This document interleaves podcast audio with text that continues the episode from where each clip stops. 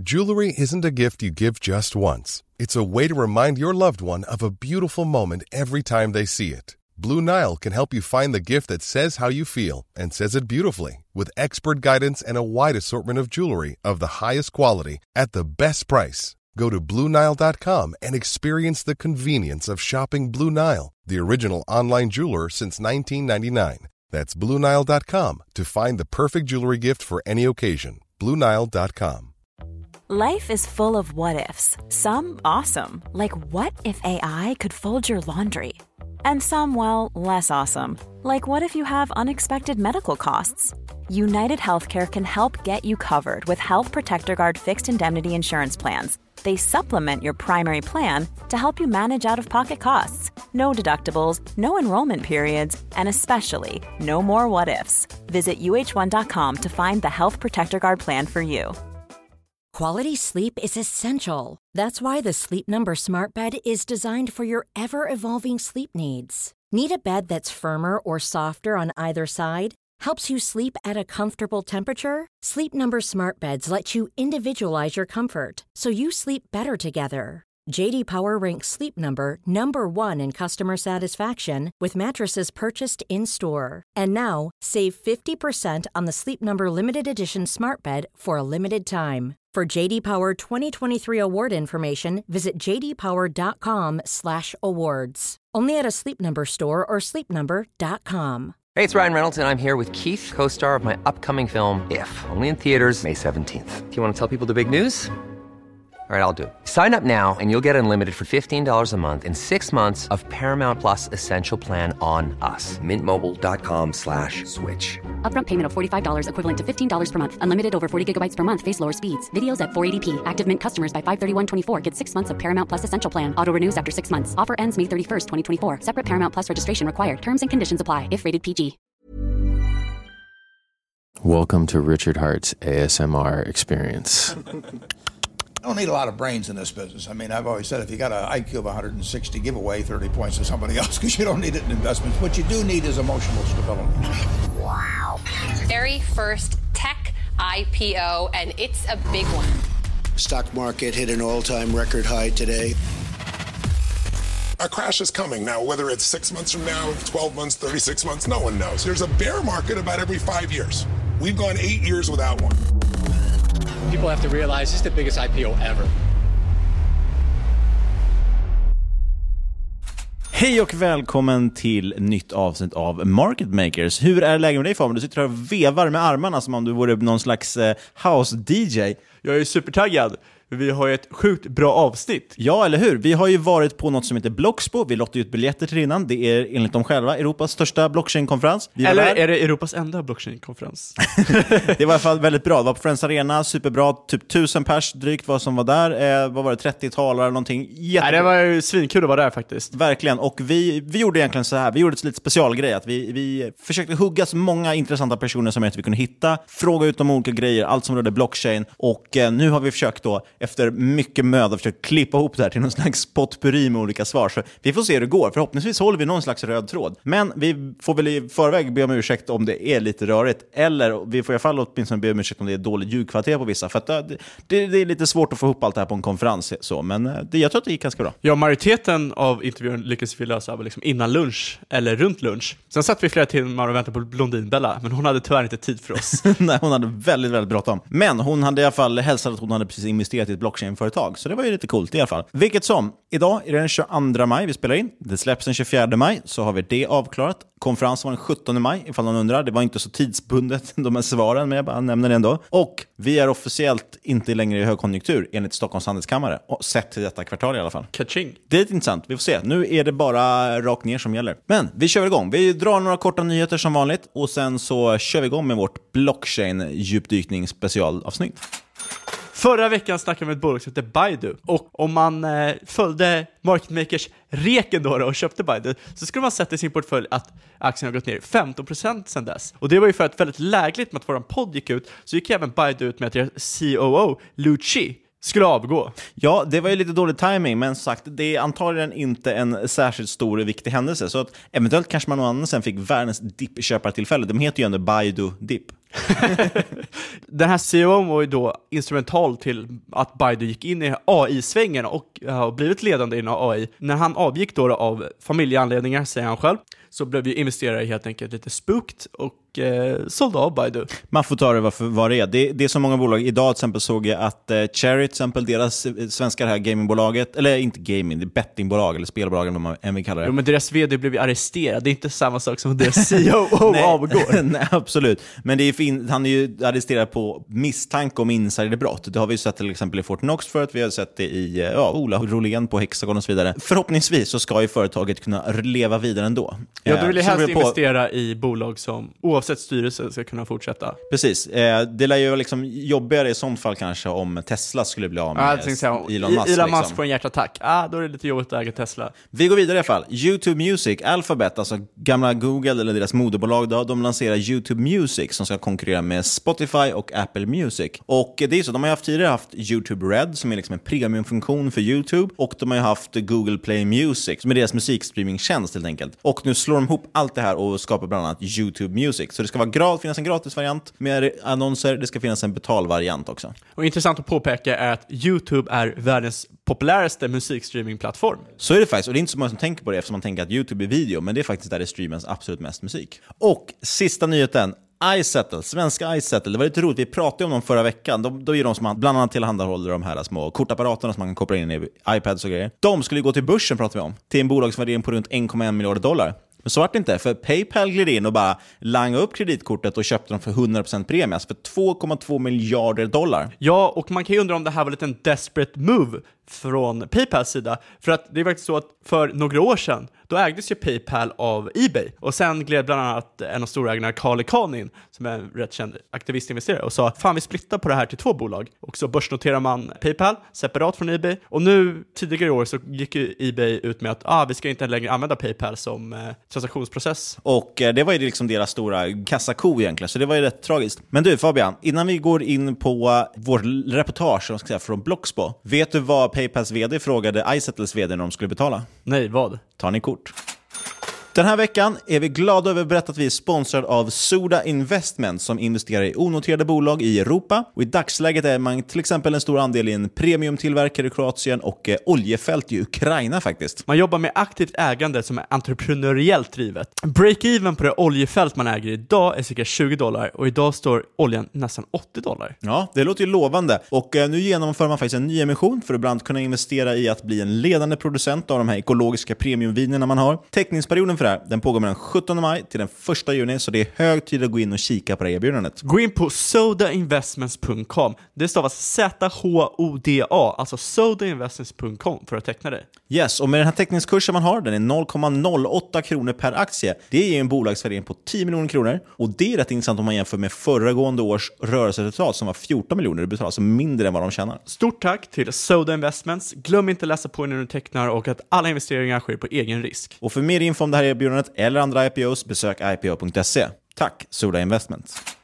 Ja, vi har ju med oss ett, ett helt gäng gäster idag får man ändå säga. Det är radda olika intressanta personer som på alla på något sätt har en koppling till eh, blockchain-världen. Ja, Det här tycker jag ska bli superspännande att se hur tusan vi får ihop det här avsnittet ens. Men vi har frågat om massvis om frågor om blockchain framförallt, även kryptovalutor, men sagt mest fokus faktiskt på blockchain och hur, hur kommer liksom blockchain faktiskt förändra världen? Så det kommer vara mycket olika svar på, på de här frågorna och eh, jag hoppas att det ska bli riktigt bra. Ja, sen kommer vi väl flatta in lite våra egna svar också. Självklart. För vi älskar ju att snacka. Jag älskar att höra oss själva. kan inte hålla tyst om någonting. Men för att liksom kickstarta det här så tänker jag så här, vi börjar väl egentligen med så här, varför är blockchain ens intressant? Vad är blockchain för någonting? Och eh, vad är det egentligen som gör det så revolutionerande? Och vi börjar med Nils von Heine, men innan han får svara på det låter vi honom presentera sig själv. Nils von Heine, serieentreprenör, venturebuilder, föreläsare. Typ sånt. Men det är ju vägen, vad är det som gör blockchain så intressant? Eh, ja, men det är ju hela den här grejen att helt plötsligt så löser vi tillitsfrågan. Eh, vi människor är inte så jävla bra på tillit och nu har vi lyckats bli så bra på teknologisk utveckling att vi har liksom kodat fram och matematiskt hittat en lösning på det och det har potentialen att rita om typ hela samhället eh, på en massa intressanta sätt. Och det här är väl en ganska bra startpunkt egentligen för att försöka förklara lite kort vad blockchain är. Och sen tror inte jag att man egentligen måste veta vad det är på detaljnivå. Om jag säger så här, vet du hur protokollet HTTP som du troligtvis använder varje dag fungerar? Då tror jag att de flesta inte vet liksom det. Och det spelar ingen roll, för du kan fortfarande använda internet. Och det är samma sak med blockchain enligt mig. Du kanske behöver ha en övergripande koll att det är någon typ av databas och någon typ av konsensusmekanism som gör att man kan godkänna transaktioner och att det är decentraliserat. Det beror att du inte har någon mellanhand som Nils säger som man behöver lita på. Och ett exempel på mellanhand i verkligheten kan vara en bank om jag överför pengar till Niklas så har vi en bank däremellan som säger ja, ah, det här är ju good shit liksom. Och, precis, och där kan vi faktiskt lyssna på, vi har också med oss en kille som heter Thomas Backlund. Eh, vi låter honom presentera sig och sen så ska han få förklara varför just, hur man tar bort den här mellanhanden och varför det är relevant. Mitt namn är Thomas Backlund och jag är grundare av ett företag som heter Superblocks. Alltså det, jag brukar säga lite så här att bitcoin gjorde ju världen en tjänst genom att ta bort uh, the middleman. Eh, och sen kom ju ethereum med sina smarta kontrakt och gjorde världen en tjänst genom att återinsätta the middleman i form av ett smart kontrakt. Um, och det är ju inte alltid du behöver en middleman och då kan du ju ha liksom, bitcoin som betalningsmedel. Men om du behöver no någon som faciliterar en deal åt dig, som inte tar en stor del av kakan, som inte, eh, som inte hindrar dig från att göra en deal, eh, då kan det vara ett smart kontrakt. Det, kan, det, det är den nya middlemanen som jobbar för dig. Så, så det, det, är olika, det är olika tekniker och de har lite grann olika eh, användningsområden. Så är det ju. Ja, och det Thomas egentligen menar här, han pratar ju om mellanhänder och det är ju faktiskt så, även i ethereum så är ju mellanhänderna bortplockade. Men det blir ju också, kanske blir ett sätt att, att visualisera lite tydligare att du har det här smarta kontraktet som gör någonting. Men, men som sagt, med blockkedjan, med smarta kontrakten så har du ju faktiskt kapat alla mellanhänder och det är en ganska stor del av det här. Jämför med nu för tiden om man ska skriva ett liksom, vanligt kontrakt så kanske du har en jurist som hjälper till och det ska då vara mellanhandel och den personen kan du då teoretiskt sett plocka bort. Precis, och här istället då bara skriver du ett, ett smart kontrakt och det kan du egentligen göra själv och tack vare att det körs på blockkedjan så blir det då motsvarigheten till dagens juridiskt bindande. Då. Men vi, vi hoppar vidare till en annan liksom, vanlig kritik mot både bitcoin och andra kryptovalutor liksom, överlag. Det är att det finns så många och att alla då kan skapa en egen valuta. För det är ju så att bitcoin är ju det är öppen källkod. Jag kan ju ladda ner den koden idag, dra igång ett eget litet nätverk och så har jag en egen valuta. Vi kan starta en market makers coin. Liksom. Det finns ju lite olika syn på det här. Jag är ju över den synen av, av den realistiska synen att ja, men så länge du inte har ett tillräckligt stort nätverk och backa upp det här med så kommer det inte finnas något värden då i till exempel en market makers coin. Ja, men du kan ju ställa det så här, det kan ju skapas oändligt många företag. Betyder det att, liksom att alla företag är värdelösa då? Ja, och, och då finns det massa olika sätt att se på det här. Vi hade ju till exempel Ivan Liljekvist, eh, driver YouTube-kanalen Ivan Tech. Han var även en av de som anordnade faktiskt den här Blockspo-konferensen. Och vi pratade med honom i avsnitt 10. Jag tänker att vi ska spela ett, ett gammalt klipp från det, så får faktiskt han svara på hur han liksom ser en värld framför sig där vi har massvis med olika tokens, alltså kryptovalutor och väldigt förenklat, eh, för alla möjliga, för reward points, för cashback och så vidare. Eh, många företag skapar tokens och många företag, ännu, ännu fler företag kommer skapa tokens också. Exempelvis om man tänker sig eh, SAS-bonus, eh, lojalitetsprogram. Det är ett perfekt användningsområde för tokens. För att eh, där kan man programmera vad de ska göra, vad de ska ge kunden för fördelar. Och eh, det som är bra är att eh, eftersom man har en blockkedja så går det att byta mellan de här olika tokens. Så ifall ni har massa ICA-tokens, ifall ICA gör en token i framtiden och jag har massa SAS-tokens, då kan vi liksom byta med varandra på blockkedjan. Och i framtiden, det som är intressant, det är att jag tror att i framtiden när man går på en restaurang exempelvis och ska betala, då får man upp sin wallet med alla olika tokens, alla olika kryptovalutor man har. Och då kan man välja, den här restaurang, det här restaurangbesöket vill jag betala med mina SAS, så här, euro bonus tokens. Eh, för att de här lojalitetsprogram är en slags valuta redan. Det är bara att den är väldigt klumpig och går inte att använda riktigt förutom bara att köpa saker från det företaget. Men genom att använda blockchain, genom att bygga tokens, genom att programmera tokens på olika sätt så har nu företagen för första gången i historien egentligen möjligheten att uh, göra de, de, här ekonomierna av tokens.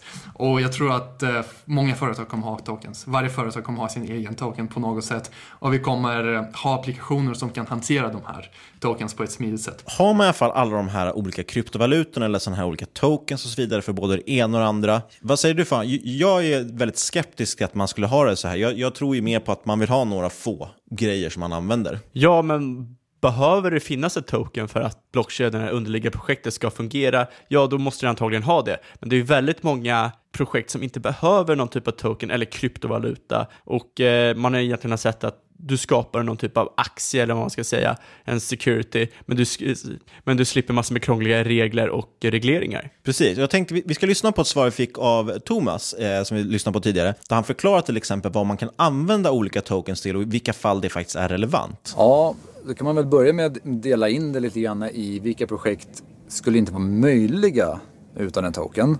Och det kanske inte är så många. Uh, men det finns ju dem.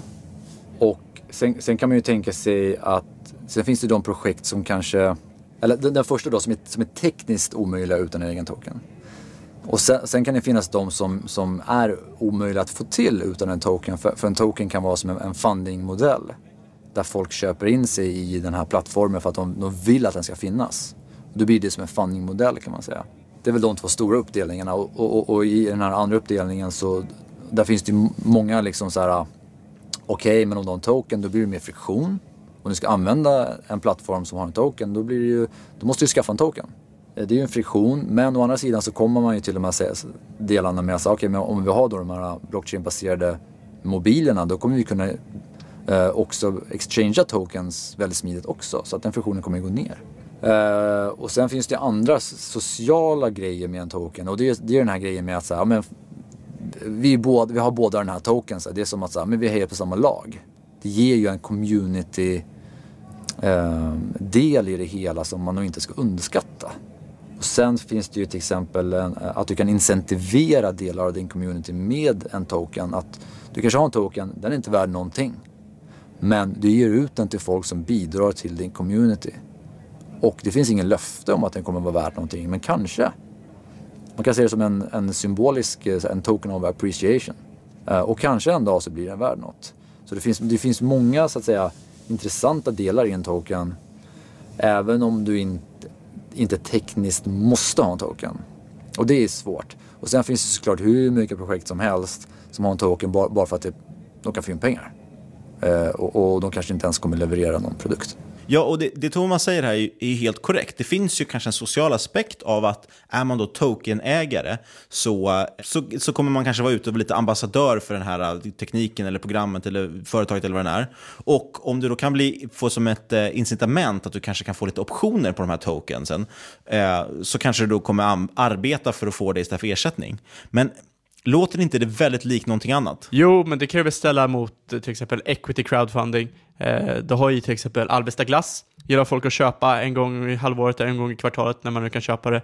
Sen eh, går man ut och snackar upp det väldigt mycket. Jag tycker inte att det är en bra anledning varför man ska investera i någonting eller äga någonting dock. Nej, och, och det andra exemplet är ju optioner. Alltså det är ju så företagsoptionen funkar, att du kanske ger anställda optioner för att de förhoppningsvis i framtiden ska vara värda någonting när företaget går bra. Det är egentligen exakt samma sak. Enda anledningen till att man använder tokens till idag, nästan en anledning i alla fall, är ju faktiskt att slippa regleringarna kring både optioner och aktier. För att det är dyrare och svårare. Och det här kommer ju regleras rätt snart. Antagligen.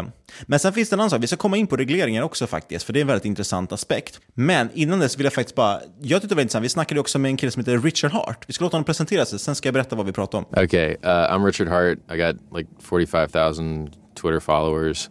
big cryptocurrency enthusiast, used to mine it in 2011, held it for a really, really, really long time. Och Richard Hart hade ju en idé om att tack vare alla de här altcoins, alltså olika kryptovalutor som släpps, så kanske man kan få folk att faktiskt bli inlockade i det här och vilja använda det mer och då kommer de då kanske gå över till, vad ska man säga, kvalitetskrypto eller fina krypto, eh, som bitcoin då till exempel. Uh, we've got these vertical, like ICOs and altcoins have an advantage by appealing to different uh, demographics. So you can get the green coin, you could get the the business freak coin, you could get the I don't know, it's probably bondage coin. I don't know. There's like a vertical for everything, right? And with Bitcoin, you don't have that. So you don't. It's it's harder to appeal to all these niche markets, but the ICOs and the altcoins can, right? So if we if we get adoption that's full, it'll probably be through all these altcoins, getting people in the ecosystem, and then maybe they roll into the, the blue chip, the bitcoin. Vid sidan av de här kryptovalutorna finns det även ett företagsperspektiv på blockchain. Och det är alltså att företag upprättar blockchain mellan företag helt enkelt. Precis, det kallas ju för, man säger att man upprättar privata blockkedjor och det var ju någonting vi verkligen märkte på Blocksberg. Vi pratade ju, det var mycket företag där och det var jäkligt intressant för det här tycker jag i alla fall, man, man ser lite nyheter om det då och då men man har inte fått prata riktigt med folk som jobbar med att implementera de här privata blockkedjorna. Och den första vi ska lyssna till som ska få presentera sig är Johan Toll från Nasdaq. Och då måste jag bara nämna att han vann ju faktiskt en jättefin utmärkelse som Fintech Person of the Year häromdagen. Och inte i Sverige utan faktiskt i USA. Precis, väldigt intressant. Men eh, han ska få presentera sig själv också. Eh, Johan Toll heter jag. Jag jobbar för bolaget Nasdaq och vi eh, är ju kända för att bedriva börser och vi är ju också en stor leverantör av teknik till eh, börser runt om i världen. Så vi är en stor mjukvaruleverantör av, av finansiell teknik kan man säga. Och på Nasdaq så ansvarar jag för det mesta som rör blockchain egentligen. Så alla projekt som involverar blockchain-tekniken ansvarar jag för. Så jag agerar som produktchef på Nasdaq för för det här området. Mm. Och Johan, han tror ju definitivt att blockkedjor det kommer rullas ut i princip överallt. Jag tror det kommer från stort till smått. Det är väl nästan enklaste svaret på det. Jag tror företag både kan nyttja blockkedjan för att kanske effektivare dela med sig av information till sina kunder. Och företag kan också nyttja blockkedjan för att samarbeta då med andra företag och tillsammans liksom komma överens om en grundplattform som man enas över och sen lansera sin business på. Innan jag och Niklas kommenterar om privata blockkedjor så vill vi även höra ett kort litet svar från Gisela Edendahl från IBM. Gisela Edendahl heter jag och eh, kommer från IBM tillhör vår eh, globala partnerorganisation och fokuserar på samarbete med våra strategiska partners. Och det kan vara mjukvaruutvecklare, det kan vara startups och sådana partners som vi har jobbat med under många år. Och i tillägg till det så har jag en eh, kompetens inom blockkedjetekniken. Bara för att exemplifiera liksom vad de här stora företagen jobbar med. IBM ligger ju ganska långt i framkant med den privata blockkedjor. Så vi, vi bara låter Gisela berätta lite om vad hon jobbar med för att få en känsla för hur stort det här kan bli. Eh, vi har stort fokus på supply chain, eh, logistik. Vi tittar på hur man kan applicera det inom publik sektor, access till olika typer.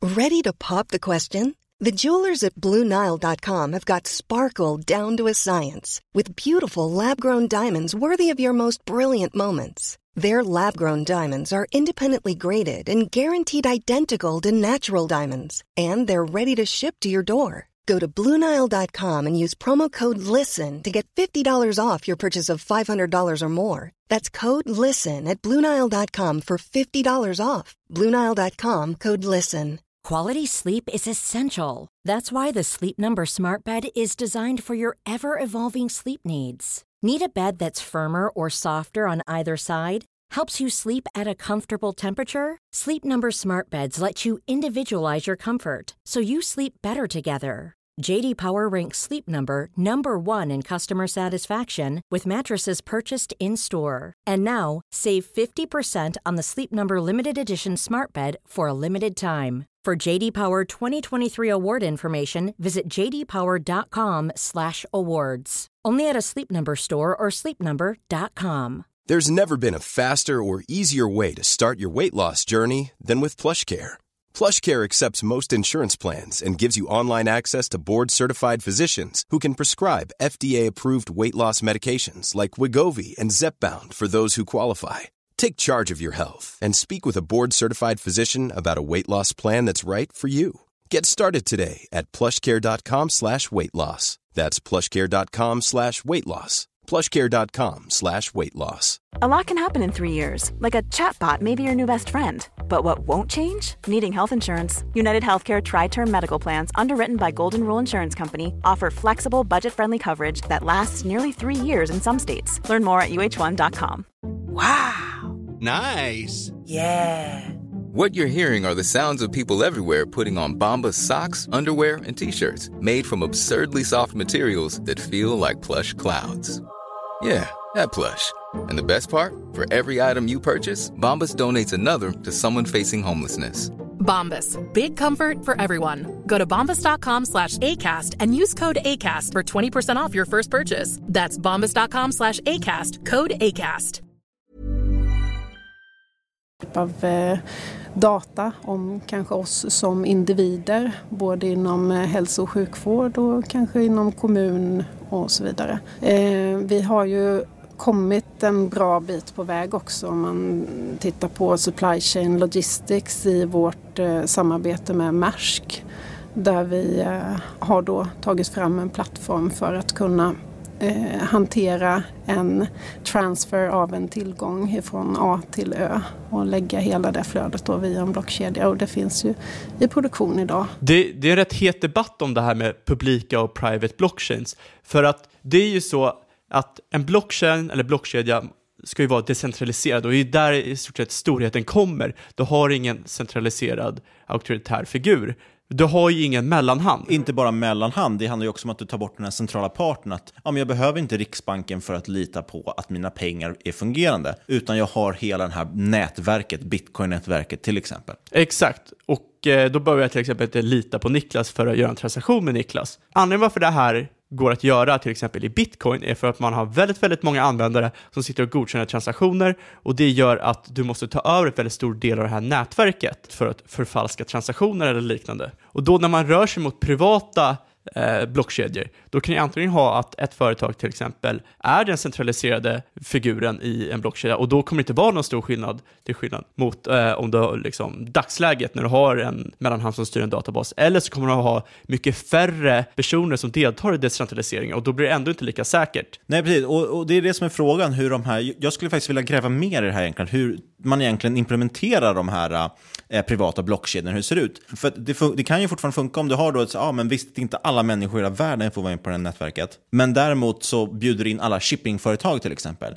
eller alla retailbolag, eller vad det nu är för typ av bransch du jobbar i. Liksom. Så att, för, för det är ju så, eh, så det finns ju ingenting att lita på ens idag i vissa fall. Ska jag skicka någonting över Atlanten till exempel, så finns det kanske ingen central part som liksom kan garantera att det här händer, utan det är, jag tar ju en stor risk som fraktbolag när jag ska skicka över den här prylen. Och mer här då, om man har med alla fraktbolag på det här, då kan det finnas i alla fall sätt kanske då att säkra upp de transaktionerna för att ingen vågar ljuga för att då åker du, då åker du business egentligen. Ja, man kan ju se på till exempel Walmart har ju en privat kedja som de, i alla fall de gör försök med, eh, när det kommer till food safety och då ska alla led i eh, matproduktionen liksom, gå in i den här blockkedjan och markera. Men eftersom Walmart troligtvis är det absolut största bolaget i den här blockkedjan så kommer de troligtvis ha störst makt på blockkedjan också och kan eventuellt påverka blockkedjan. Så att ja, det kan vara bra för Walmart, kan vara mindre bra för andra aktörer i blockkedjan som ändå måste tvingas vara med där för att handla med Walmart. Verkligen, och det här, det här tycker jag är en stor ganska kritik mot privata blockkedjor och det ska bli väldigt intressant hur de implementeras, hur de ser ut. För det, det, får, det blir liksom lite tramsigt om det är så att det bara är egentligen en databas fast man decentraliserar den och gör den långsammare och segare. För det är ju så att blockchain är inte bra för allting. Vi kan ju lyssna på Johan Toll berätta ju det här själv för oss. Jag tror blockchain är en generell teknik så att jag tror att i kryptoindustrin med kryptovalutor så har ju de baserat på, på det här och samma sak med ICOs och så vidare så kan man basera sig på tekniken. Men egentligen skulle jag kunna hävda att du kan göra en ICO helt utan blockkedjeteknik. Du är ju inte ett behov av blockkedjan där. Men det var ju ett coolt ord kanske att använda sig av för att få det här lite hypat. Ehm, så att jag tror man ska nog väl separera när behöver jag blockkedjeteknologi eh, mot att när kanske är lika enkelt eller bättre kan göra det med traditionell teknologi eller annan teknologi. Jag tror man ska också akta sig för att tro att blockkedjan är silver bullet eller lösningen på allt. Den, den fungerar bra för vissa tillfällen men kanske mer komplex och svårhanterlig i andra case. Och när vi då pratar om privata blockkedjor, då, vi har plötsligt företag in i bilden istället för privatpersoner och eh, helt plötsligt träder ju då det här med regleringar in i kraft på ett helt annat sätt. Vi stannar lite i det här med GDPR till exempel, som, det kommer ju nu i veckan faktiskt, i dagen efter avsnittet släpps, så ska ju det träda i kraft om inte jag minns fel på datumen. Och eh, hur löser man, det finns ju massvis med problematik med GDPR, eller hur? Ja, i alla fall när du relaterar till blockchain. En blockchain ska ju vara oföränderlig och det är det som är en väldigt stor grej med blockchain. Du ska kunna se vad som har hänt där för tio år sedan. Eh, det är ingen som ska kunna ändra det. Men grejen med GDPR är att du har ju bland annat the right to be forgotten. Att din information ska inte kunna sparas för alltid. Du ska ha rätten att glömmas bort. Precis, så det var vi tvungna att fråga då, både Johan och Gisela, för de jobbar ju mycket mot just företagslösningar. Hur tusan löser man det här med GDPR till exempel? Det som är viktigt att ha i åtanke när det gäller just GDPR, man eh, ska väl kanske inte lägga personligt relaterad information i kedjan. Däremot så kan man ju lägga den off-chain. Sen är ju blockkedjetekniken som sådan bra för att man kan gå tillbaks. Det finns en historik på allting. Men, eh, men som sagt att eh, lägga personlig information on-chain som man säger är inte att eh, rekommendera. Johan på Nasdaq ger ju en liknande syn och förklarar hur man kan anonymisera det hela. Det är en jättebra fråga det där och vi har tittat väldigt mycket på den. Och den första enklaste delen är att säga att nej, men du ska inte lagra kanske personlig information i en blockkedja. Det lämpar sig inte där. Det kanske får bli ett ID som snurrar runt i blockkedjan som du sen kan länka då till en viss persons data. Och I det fallet den önskar bli glömd så får man se till att datat om personen blir glömd och försvinner och att länken däremellan då eh, har möjlighet att förstöras. Så att du aldrig då kan återskapa den biten. Så man ska nog se blockkedjan mer som kanske en, en möjliggörare för transaktionshistorik än då att det just när vi ska spara persondata. Ja, och sen hoppar vi tillbaka till med finansiella regleringar och hur det påverkar kanske privatpersoner och handeln med, med kryptovalutor och företags fundraising och så vidare. Då finns det ju till exempel de som Richard Hart som inte bryr sig om regleringar alls. As long as you can do BitTorrent, you're going to be able to do Bitcoin. Um, you know, BitTorrent made angry a lot of very powerful people, and it's still doing just fine. So I, I don't think that uh, not only is it hard to screw with Bitcoin, but for the same reason it's hard to screw with BitTorrent. But a lot of these politicians have bags of coins and they prefer them to pump. So now that we've kind of like uh, transformed from the inside a lot of people in power to coin advocates, you know, like uh, the lady that's in charge of the IMF got up on stage and said, you know, hey, crypto could take over everything. You get, you know, she don't go up on stage and do that unless her bag's filled, right? It's just not happening. So it's like I think we're not going to have to worry so much about draconian regulation. It's my opinion. And if if they try to go that route, then you're just going to see privacy coins kick off harder, and they're going to lose the war.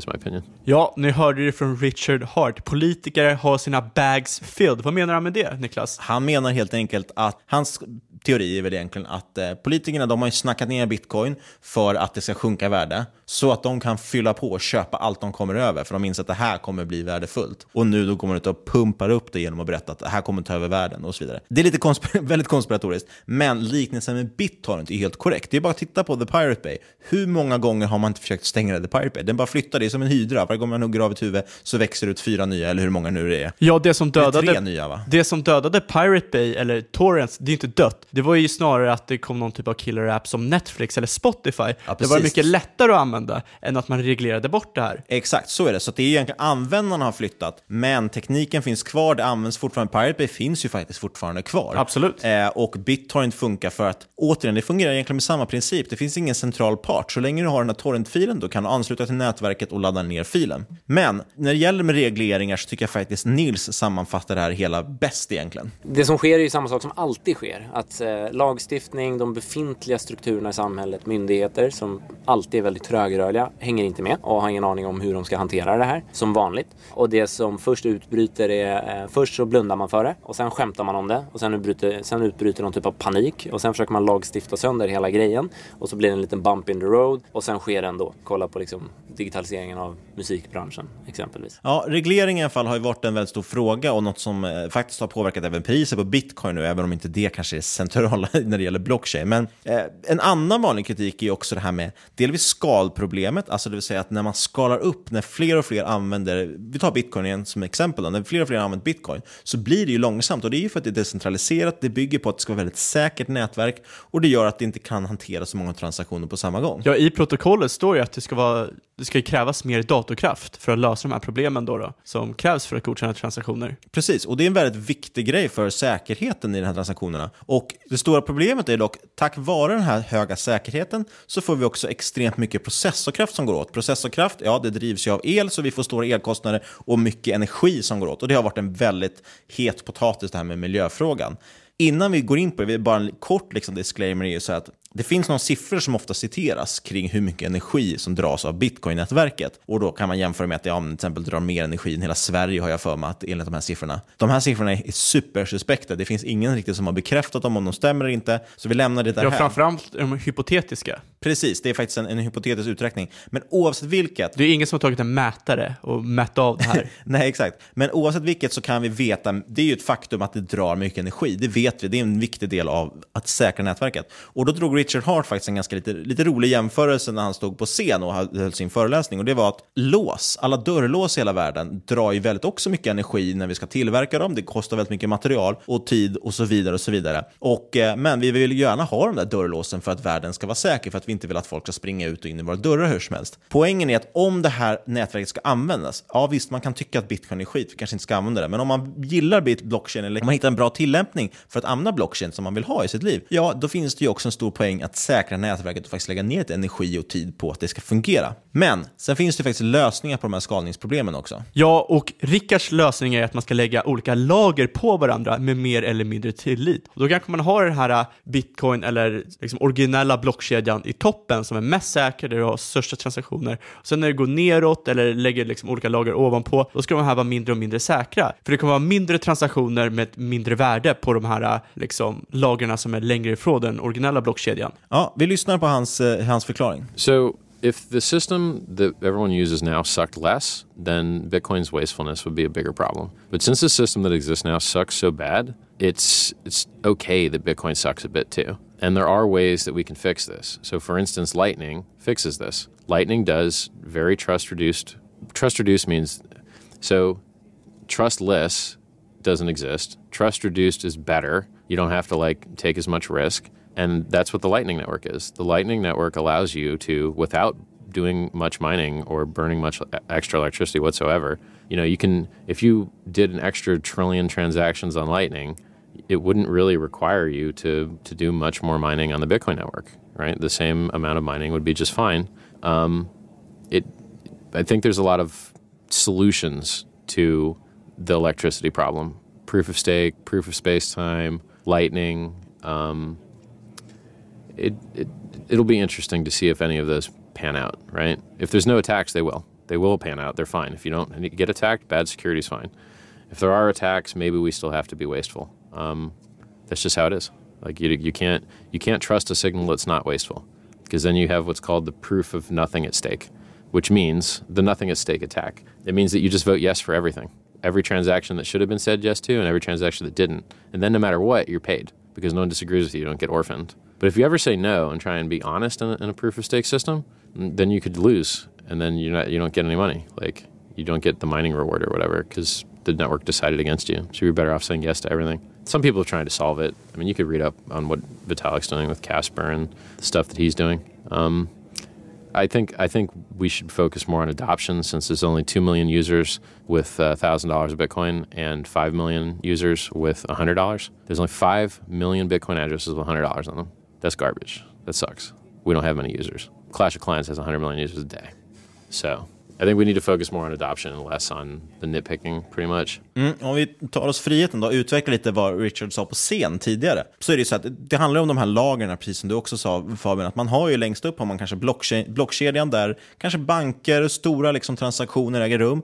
Under det har man till exempel handelsplatser som Coinbase, Kraken och så vidare, där kanske transaktioner mellan lite mindre spelare sker. Och då sköter ju de ofta det själva, så det är ju olika centrala parter kan man ju egentligen säga, fast alla då jobbar mot det decentraliserade nätverket. Och du, visst, du måste ha lite tillit, men det kommer du aldrig riktigt helt ifrån. Så det är därför man pratar om att man har, man har inte trustless, men man har lesser trust i de här olika nätverken. Och längst ner då skulle ju till exempel Lightning-nätverket kunna kliva in. Som, vi ska inte gå in på detaljer om det, men det är ett sätt egentligen att lösa, man löser transaktioner utanför blockkedjan helt enkelt på ett väldigt smidigt sätt. Men om vi ska försöka liksom summera upp det så är det så, generellt känns det som att, det är klart, vi, vi var ju på Blockchain-konferens i och för sig, så det är klart att folk är positiva, men väldigt många där som är ändå väldigt insatta verkar tro att blockchain kommer någonstans finnas där i bakgrunden. Lite, om man tänker lite som vi har med internet idag, jag tycker det är ett jätteintressant sätt att tänka på det, för förut, mycket när man pratar med folk så tror folk att det ska revolutionera allt, allt annat ska försvinna och så är allting bara blockchain. Så kommer det inte bli, jag är i alla fall övertygad om att det inte kommer vara så. Och jag tyckte att det här var lite mer, vad ska man säga, vuxen, realistisk bild av att ja, det kanske kommer finnas där bakom i infrastrukturen, för det är väldigt många liksom ändå tjänster som kommer nytt, kunna nyttja blockchain på ett bra sätt. Precis som att internet har liksom smugit sig in, både i liksom skapa helt nya industrier, men också smyger sig in i mer traditionella yrken där folk använder sig av mail, smartphones och så vidare. Och liksom, för att inte tala om den stora skillnaden det i vardagliga livet. Om tio år så kommer vi inte prata blockchain. Det kommer bara finnas. Det är så som vi förhåller oss till internet idag. Det är något som finns där, det funkar. Vi vet vad vi har det till. Och jag tror att det kommer bli likadant med blockchain. Det kommer finnas där vi nyttjar det. Men vi är inte ner på detaljnivå för att förstå exakt hur det funkar. Det kommer bara vara där. Och mycket av det som var grundtanken med bitcoin, anonymitet, decentralisering och så vidare, det kanske inte kommer bli den stora revolutionen i slutändan. Så återigen påminner vi om utvecklingen av till exempel internet, som gick lite från den libertarianska våta drömmen till att domineras av ett oligopol av bland annat Facebook och Google. Ja, och sen så tittar man på kryptovalutornas framtid specifikt, ja då får vi ett väldigt cyniskt svar faktiskt från Richard Hart. I think that the primary use case for these currencies is going to be speculative, and that's fine. That's what the stock market is. It, it, doesn't build products, it doesn't design things, it just makes people money on things going up in value. That's all it does. To some degree, uh, the people that sell those shares will go and use that money to build nice things, or maybe they won't. The Enron guys didn't. The Theranos guys didn't. I could go down a list of other companies that got a lot of money and didn't do anything good with it. You could say to some degree, weapons manufacturers aren't doing so many great things with the blowing up of people. Um, so it's speculation and acting as a store of value is enough. We don't need more. If we do have more with digital ledger, it doesn't pump the price. If you have one token, a very low amount, you can do all the digital ledger you want. You don't need to pump the price to do it. If you want the price to pump, then you need people to need more economic mass in, in the system, and that means currency, right? So when people talk about digital ledger on blockchain, I really don't care. Waste of my time. Hash it and publish it in the newspaper and call it good enough. You don't need a blockchain, right? Most things don't. So I think I think we'll be a store of value. I think the price will be exceptionally high, um, and if not in Bitcoin, then spread across the the whole ecosystem.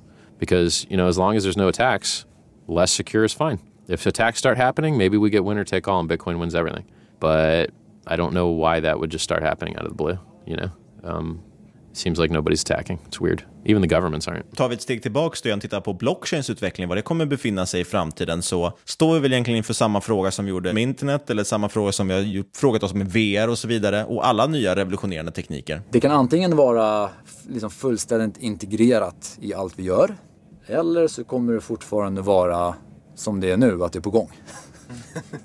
Och avslutningsvis lämnar vi er med Nils von Heines taggande ord. Väldigt troligt är att det kommer att ha förändrat samhället på väldigt många sätt. Och vi kan bara ana vilka sätt de är idag. Min rekommendation om jag ska ge det till folk som lyssnar är liksom så här, ge er in i det här. Börja titta på det nu istället för att känna så här, jag fattar inte, det här verkar konstigt. Som man alltid känner när samhällsförändringen börjar. Utan bara så här, nyfiket luta sig in i det här och, och inte bara försöka fundera ut vart det är på väg utan kanske ännu hellre försöka fundera ut vart man vill att det ska ta, ta vägen och försöka vara med och påverka det.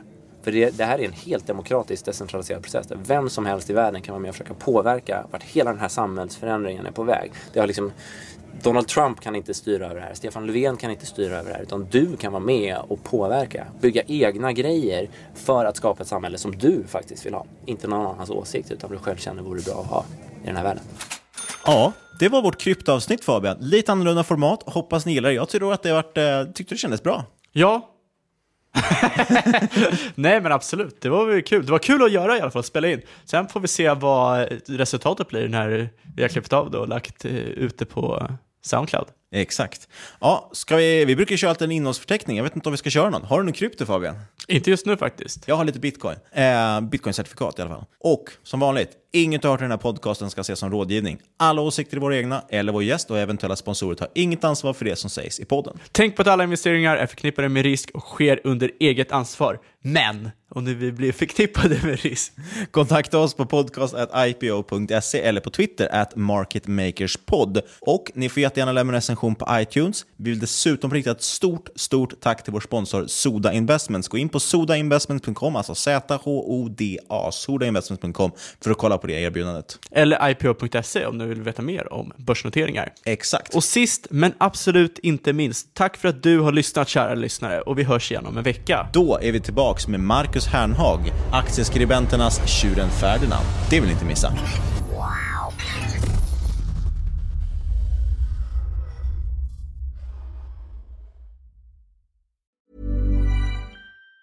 Even on a budget, quality is non-negotiable. That's why Quince is the place to score high-end essentials at 50 to 80% less than similar brands. Get your hands on buttery soft cashmere sweaters from just 60 bucks, Italian leather jackets, and so much more. And the best part about Quince, they exclusively partner with factories committed to safe, ethical, and responsible manufacturing. Elevate your style without the elevated price tag with Quince. Go to quince.com slash upgrade for free shipping and 365-day returns. When you need mealtime inspiration, it's worth shopping Kroger, where you'll find over 30,000 mouthwatering choices that excite your inner foodie. And no matter what tasty choice you make, you'll enjoy our everyday low prices, plus extra ways to save, like digital coupons worth over $600 each week. You can also save up to $1 off per gallon at the pump with fuel points. More savings and more inspiring flavors make shopping Kroger worth it every time. Kroger, fresh for everyone. Fuel restrictions apply.